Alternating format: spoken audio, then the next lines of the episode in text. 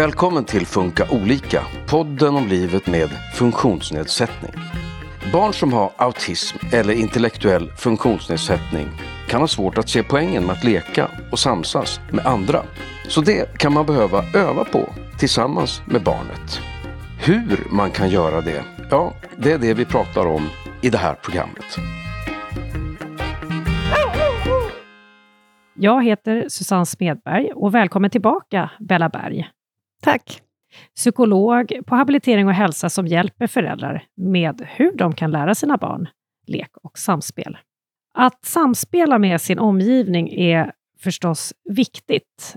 Vad händer om du inte kan det? Då får du svårt att samarbeta och du får svårt att utvecklas.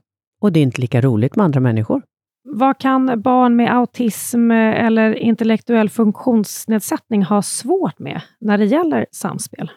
Att förstå vad den andra vill och att ställa upp på vad den andra vill. Och se vitsen med det. Det kan vara svårt. Så det behöver man öva på och göra det värt besväret. När skulle du säga att det är dags att introducera samspelslekar? Det kan man göra tidigt. Och det kan man göra på den nivå som barnet befinner sig. Så direkt, när, så fort man får kontakt med barnet, så kan man göra samspel.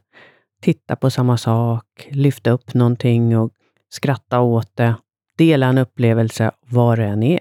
Om man tänker sig lite yngre barn då, barn i, i eh, förskoleålder, är, kan du ge exempel på samspelslekar för de barnen? Ja, ett riktigt litet barn och väldigt många barn tycker att det är till exempel jätteroligt med såpbubblor. Så att jag blåser såpbubblorna och du tycker att det är roligt att ha hål på dem. Det kan vara en samspelslek och den kan man göra med många olika åldrar och på olika nivåer. Och då kan det handla om att ta tur med såpbubblorna och titta på såpbubblorna tillsammans.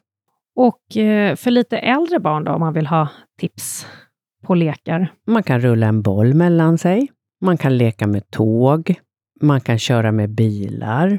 Och man kan eh, ta tur på vad som händer på paddan och få trycka och uppleva saker och ting.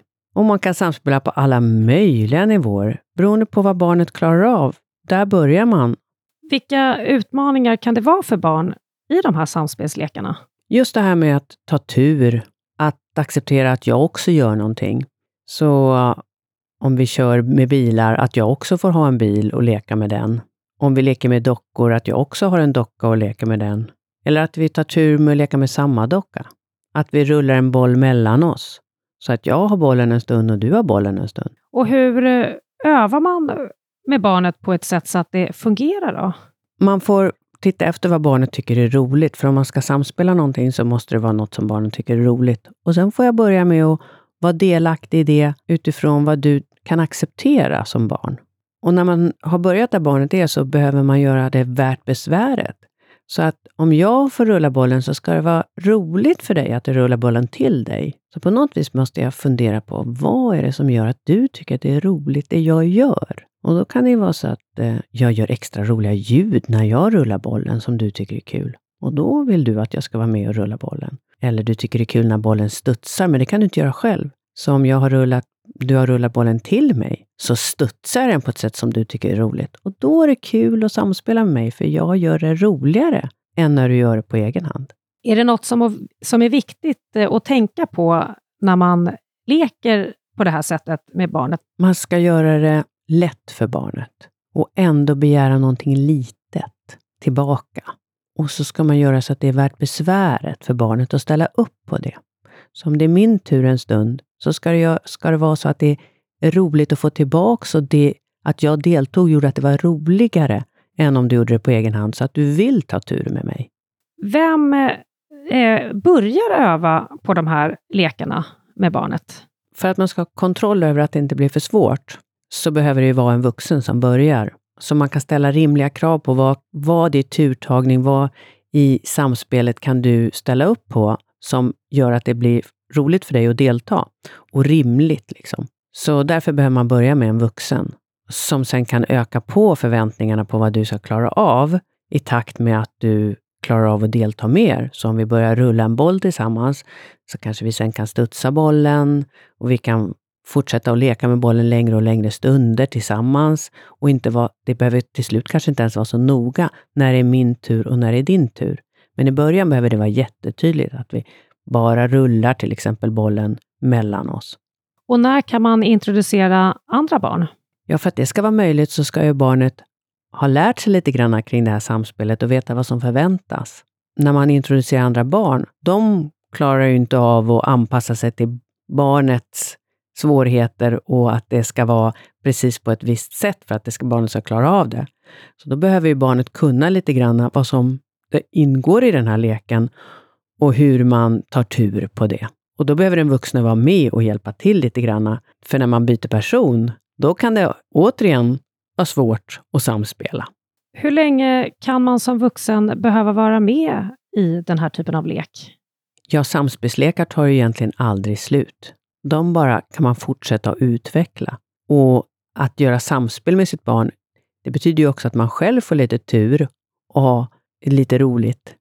Så att eh, det kan man fortsätta med och utveckla och byta till andra aktiviteter hela tiden, genom hela utvecklingen. Om man börjar med att rulla en boll när barnen, barnet är litet, så kanske man till slut kan stå på fotbollsplanen och sparka bollen i mål tillsammans. Är det viktigt att eh, ett barn lär sig leka med andra barn? Är det målet med den här typen av lekar? Ja, för många kan man ju tänka sig att det är en vidareutveckling. Men att samspela med andra människor, det är ju viktigt oavsett om det blir att leka med andra barn eller inte. Om något händer i leken då? Barnet börjar slåss eller riva och förstöra någon annans saker. Hur agerar man då?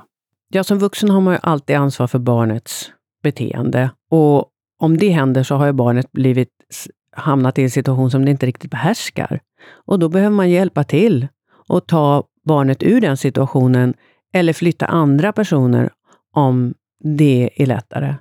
Så att då kanske man får be andra barn att gå därifrån eller man tar med sig sitt barn därifrån. Så att man inte utsätter barnet eller andra barn för situationer som de inte behärskar att vara med om. Går det att förebygga den här typen av beteende? Att man förbereder barnet på något sätt så att det inte uppstår sådana här situationer? Ja, det är väl jättebra. Om man vill att barnet ska leka med sandslott med andra barn eller klara av det, så behöver man öva på det först och sätta barnet i situationer som är lagom svåra. Kanske sandslott med ett barn man känner väl. Och först bygga sandslott med mig som vuxen som kan hantera det här. Och sen kan man förbereda barnet på alla möjliga situationer så att de klar, vet vad de ska vara med om, hur länge det ska pågå, vad som förväntas att de gör och att andra gör. Rita, visa så att barnet vet ganska tydligt vad det ska vara med om. Till exempel hur man går på kalas, så att man klarar av att ett annat barn öppnar sina paket själv och att man själv bara får titta på. Och om det är svårt så får man fundera på, är det rimligt att vara med om det här? Eller ska vi öva på det först?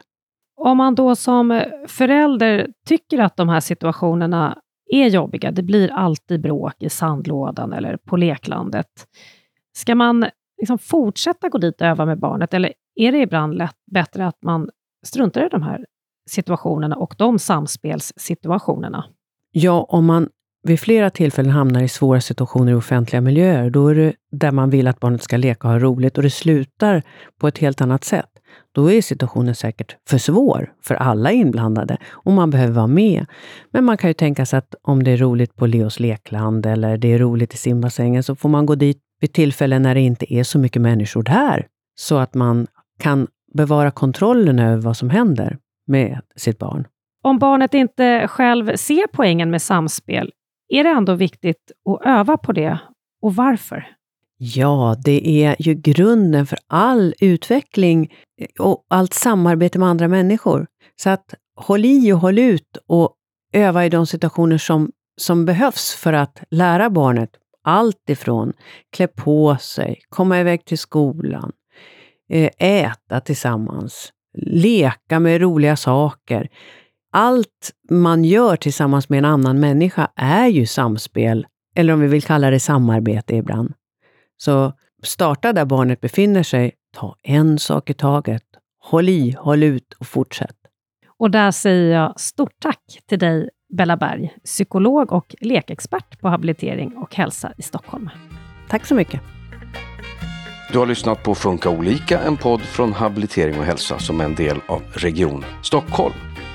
Det här var det sista avsnittet om lek och samspel, men vi är tillbaka med nya poddar efter sommaren. Och då pratar vi om sällsynta hälsotillstånd. Vi hörs då!